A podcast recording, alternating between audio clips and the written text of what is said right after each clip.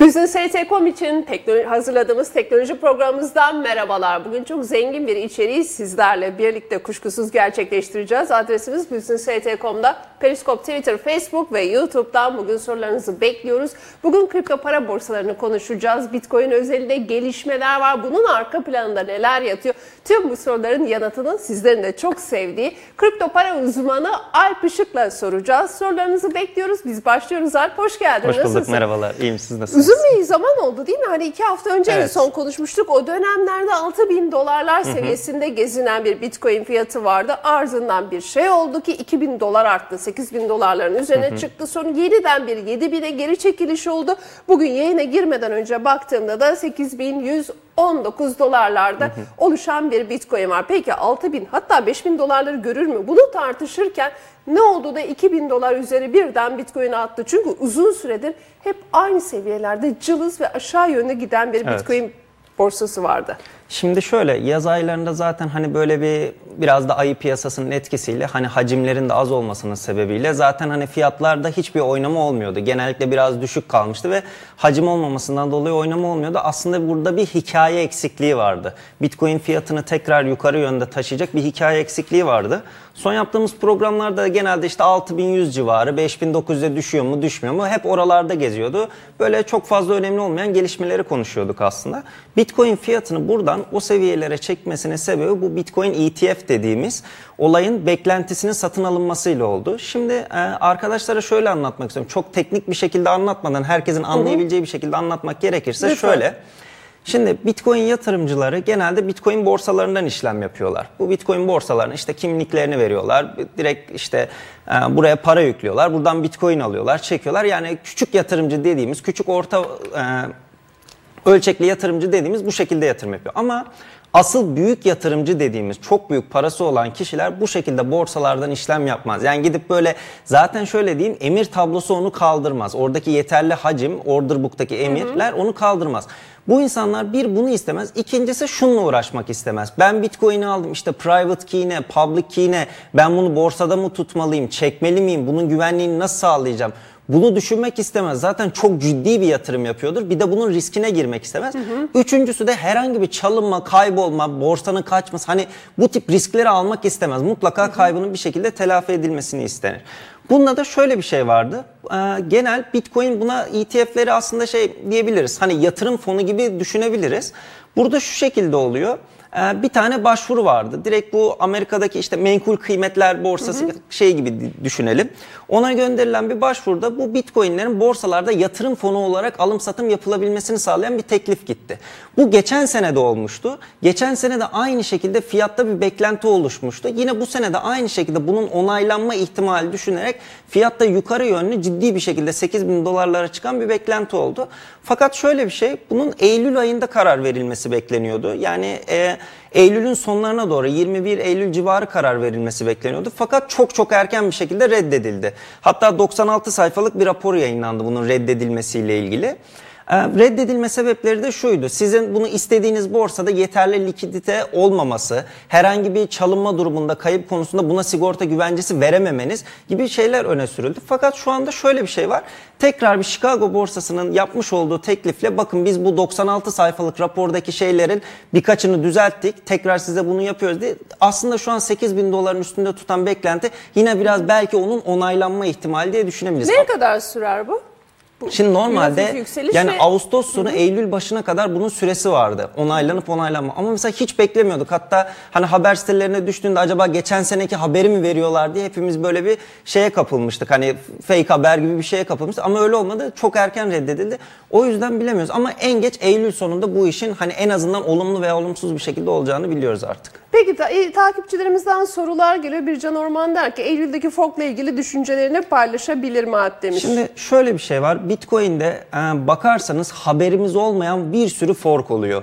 Yani Bitcoin elinde Bitcoin tutan kişiler aslında ufak tefek o forklardan oluşan coinlerin belli bir değeri olduğu için ufak tefek aslında bit onları kazanmaya hak kazanıyorlar ve çoğunun da ya ilk başta gördüğümüz Bitcoin Cash'i mesela hepimiz konuşmuştuk. O böyle ilk ciddi bir fork olduğunda şu an değeri de 800 dolarlar civarında. Herkesin gündemini gelmişti. Ondan sonraki forklar işte Bitcoin Gold falan olmuştu. Aslında çok fazla ismi dışında bir şey olmayan böyle bir sürü onun dışında fork geldi. Bu Eylül civarında olacak forklarda da bu yine tekrar özellikle ZCL diye bir coin bulunduran ve elinde Bitcoin bulunduranlara yine aynı miktarda verileceğinden o coinlerin fiyatında biraz beklenti sebebiyle artış yaşandı. İnsanların biraz o yüzden dikkatini çekti diyebiliriz. E, farklı bir haberde İran tarafından geldi. İran Bilim ve Teknoloji Bakanı İran Merkez Bankası ile ortak bir çalışma içerisinde olduğunu Özellikle İran'ın e, haber ajansı Press TV de bunu duyurdu. Kripto bir para birimi çıkaracaklarına dair. Şimdi İran demişken dün de Trump'ın bir açıklaması oldu. Her koşulsuz İran'la görüşmeye hazırım. As İran kendine kapalı ama dünyaya e, son dönemde açılan çok büyük bir pazardan da bahsediyoruz. Bu piyasayı nasıl etkiler? Şimdi bir kere bu, Bu haber, haber. direkt onların da resmi haber ajansından gelmiş Evet. bir şey. Öyle yani bir beklenti olarak değil de direkt resmi Doğru. gelmiş bir haber. Ya şimdi devletler her zaman kendi kripto parasını ben deneyeceğini düşünüyorum. Her devlet kendi kripto parasını yani üretip bunun yasal zeminine de oturtup uluslararası para transferlerinde bunu kullanarak bir takım avantajlar elde etmek isteyeceğini düşünüyorum. Özellikle böyle biraz daha ekonomisi kötüye giden ülkelerde kripto paralar biraz daha böyle umut ışığı. Hani bu bizi kurtarıcı yönde diye biraz daha o yönde şey yapılmıştı. İran'ın bu hamlesi geldi ama daha önce İran'dan şöyle bir hamle de gelmişti. Kripto paraları yasaklıyoruz. Aynen haber çok, yakında. Şubat ayında falan gelmişti. Yani öyle de bir haber geldi. Biraz böyle hani haber akışları geliyor ama asıl somut bir şeyler ortaya çıkınca biraz da onların işte Bilim ve Teknoloji Bakanlığı bu sefer ciddi ciddi girişmiş. Bakalım sene sonuna doğru herhalde somut bir şey çıkar. Bekliyoruz sorularınızı. Business.com'da Periscope, Twitter, Facebook'tan Alp Işık'a tüm kripto para borsalarına dair tüm sorularınızı bekliyoruz. Altcoin'leri de soracağız. Peki bir haber de bizden geldi. Cumhurbaşkanı Erdoğan özellikle geçtiğimiz günlerde Güney Afrika'daki BRICS e, toplantıları zirvesi kapsamında e, yaptığı bir açıklamada da e, Türkiye ile Rusya'nın ortak bir şekilde bu yönde bir kripto para, e, elektronik para noktasında bazı düşüncelerimiz var dedi. Sen ne dersin? E, Türkiye ile Rusya arasındaki bu çalışmanın biraz detayı var mı? Ne çıkar buradan? Yani şöyle düşünebiliriz. İki devletin arasında bunlar masaya yatırılır. Eğer hani avantajları dezavantajlarından üstün basıyorsa, yasal zemini de bir şekilde yapılabilecekse ve gerçekten bizim için pozitif bir yararı olacaksa neden olmasın? Yani dediğim gibi her ülke kendi kripto parasını deneyecekken iki ülke arasındaki ticaret hacmini arttırabilecek bir şeyse neden olmasın? Neden olmasın diyorsun. Peki istersen gel biraz da altcoin'lere bakalım mı? Hikayesi kuvvetli olan bir altcoin neleri önerirsin bu dönemde özellikle? Şimdi biraz şöyle da bir şey var. piyasadan bahsediyoruz. Ee, Ethereum fiyatında ciddi bir düşüş olmuştu. Ondan sonra şeyi görmüştük. Yani bu Ethereum'da bir tane hard fork planı vardı. Yani yazılımsal olarak bazı geliştirmelerin yapılacağı çok önceden beri belliydi ve yapılıyordu. Şu an Ethereum'da da Eylül ayında bir hard fork olacak ama bunu şey olarak düşünmemek lazım. Tamamen yazılımsal bir gelişmelerle bu proof of stake'e giden bir yolda önünü açacak bir hard fork olarak düşünebiliriz. Şu anda o ön plana çıkıyor diyebiliriz. Ömer Eren der ki Holochain için düşüncesi nedir Alp Bey'in? Blockchain'e rakip mi? Holochain Ya şimdi nedir? o Biraz Holochain'i son zamanlarda misin? Türkler ona Ben çok fazla duydum. şey yaptı. Ben de biraz böyle Twitter'da takip edebildiğim kadarıyla hani yine böyle bir hikaye yaratılmaya çalışılıp yine böyle yeni blockchain diye öne çıkmaya başladı ve Türk yatırımcıların böyle özellikle işte büyük kripto para borsalarına girmesiyle biraz dikkatini çeken bir coin diyebilirim. Ama ben şunu söyleyeyim. Şimdi Bitcoin fiyatının 8 bin dolara çıktıktan sonra herkesin tek sorduğu soru şu. Yani kimsenin orada umrunda değil. Tek sorduğu soru şu. Altcoin'lerin fiyatı ne olacak? Altcoin'ler ne zaman artacak şeklindeydi. Ben şunu söylemek istiyorum. Altcoin'ler şu zaman tekrar toparlanır. Şu anda Bitcoin'in şovunu, Bitcoin'in dansını izliyoruz. Bu Bitcoin'in hikayesi bittiğinde, yani bu ETF olayları olumlu veya olumsuz bir şekilde sonuçlandığında, yıl sonuna doğru özellikle Kasım ayı geldiğinde genelde böyle yatırımcıların yazın o rehabetten çıkıp tekrar yatırıma yöneldiği aylar geldiğinde ya Bitcoin'in şovu bittiğinde altcoin'lere para akmaya tekrar oradan para bir geçişi olmaya başlayacaktır. Bir de şöyle şunu söylemek istiyorum. Şu an CoinMarketCap'te bakabilecekleri gibi Bitcoin'in dominansı Ocak ayı seviyesine çıkmış durumda. Yani %46, %47'lere tekrar çıkmış durumda. Bir ara 33'lere düşmüştü. Bu ne demek?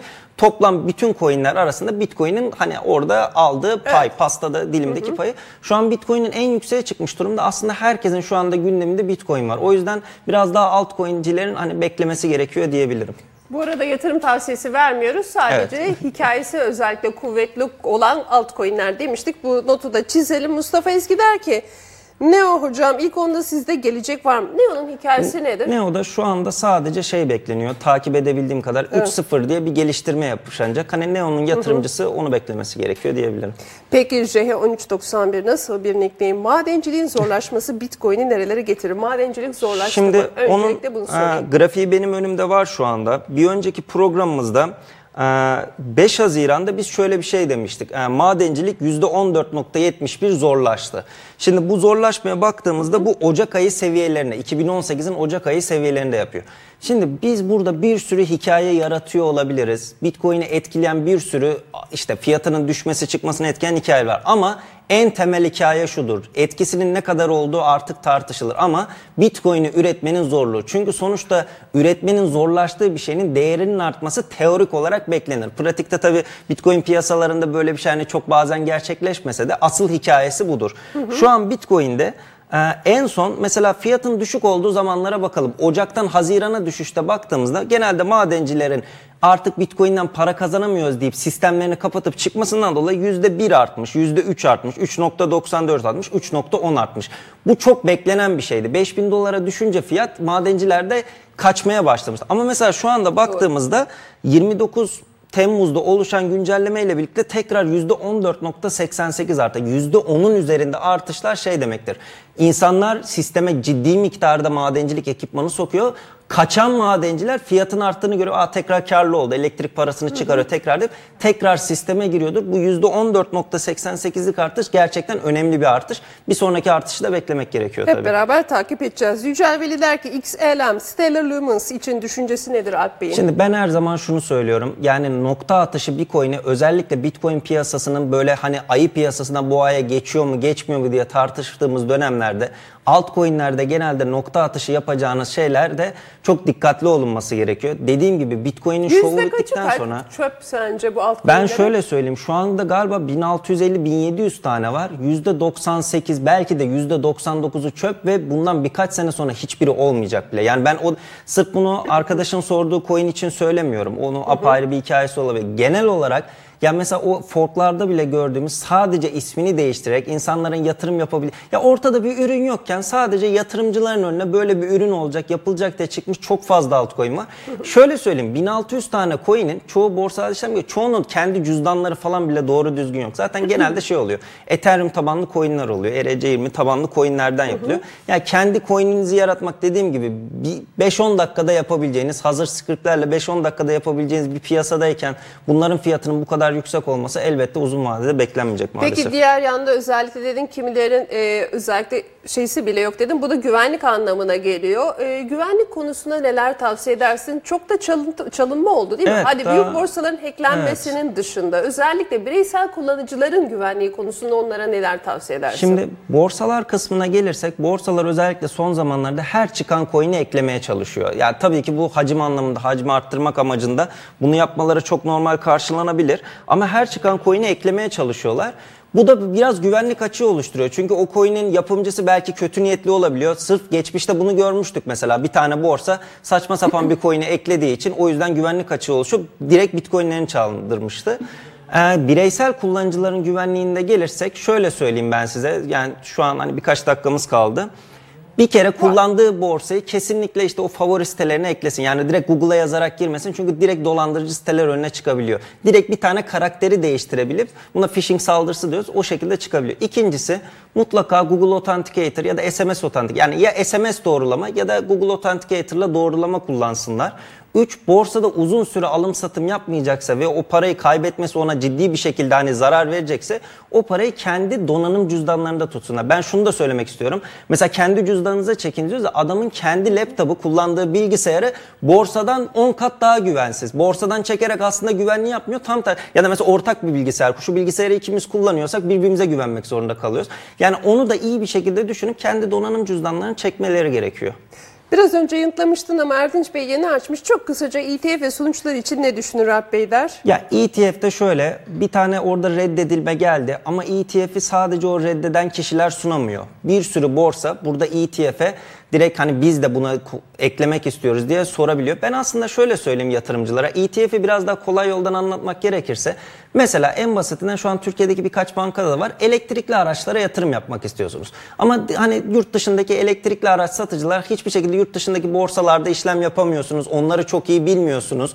Hani tamamen bir fikriniz yok. Bir tane banka bir fon açıyor mesela. Elektrikli araçlarla ilgili bir fon açıyor. Siz Türk lirasıyla o fondan aldığınızda sizin yerinize o paranın %90 ile mesela yurt dışındaki borsalarda elektrikli araçla yapılabiliyor.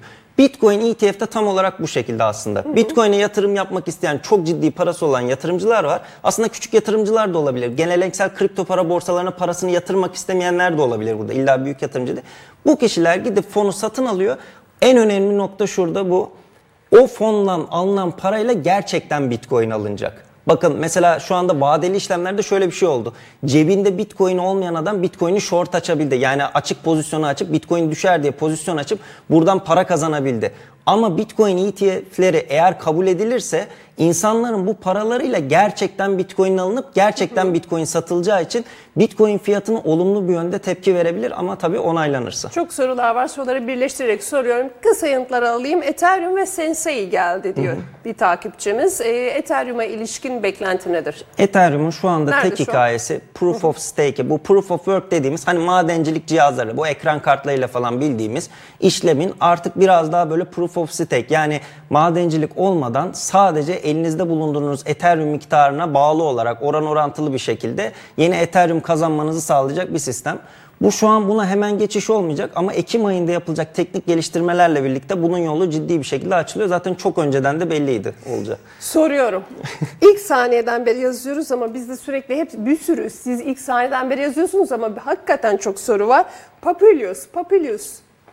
Duydun mu? Coin mi? Evet altcoin. ya hiçbir fikrim yok diyebilirim. Onun da fikri yokmuş. hiçbir fikrim yok. Peki son olarak çok son dakikalarımız kaldı. Özellikle şimdi e, Bitcoin piyasasında çok çalınmalar da oldu. Bunlarda nelere dikkat etmemiz gerektiğini konuştuk. Ama şimdi takipçilerimizden ah, soruları da şey yapalım.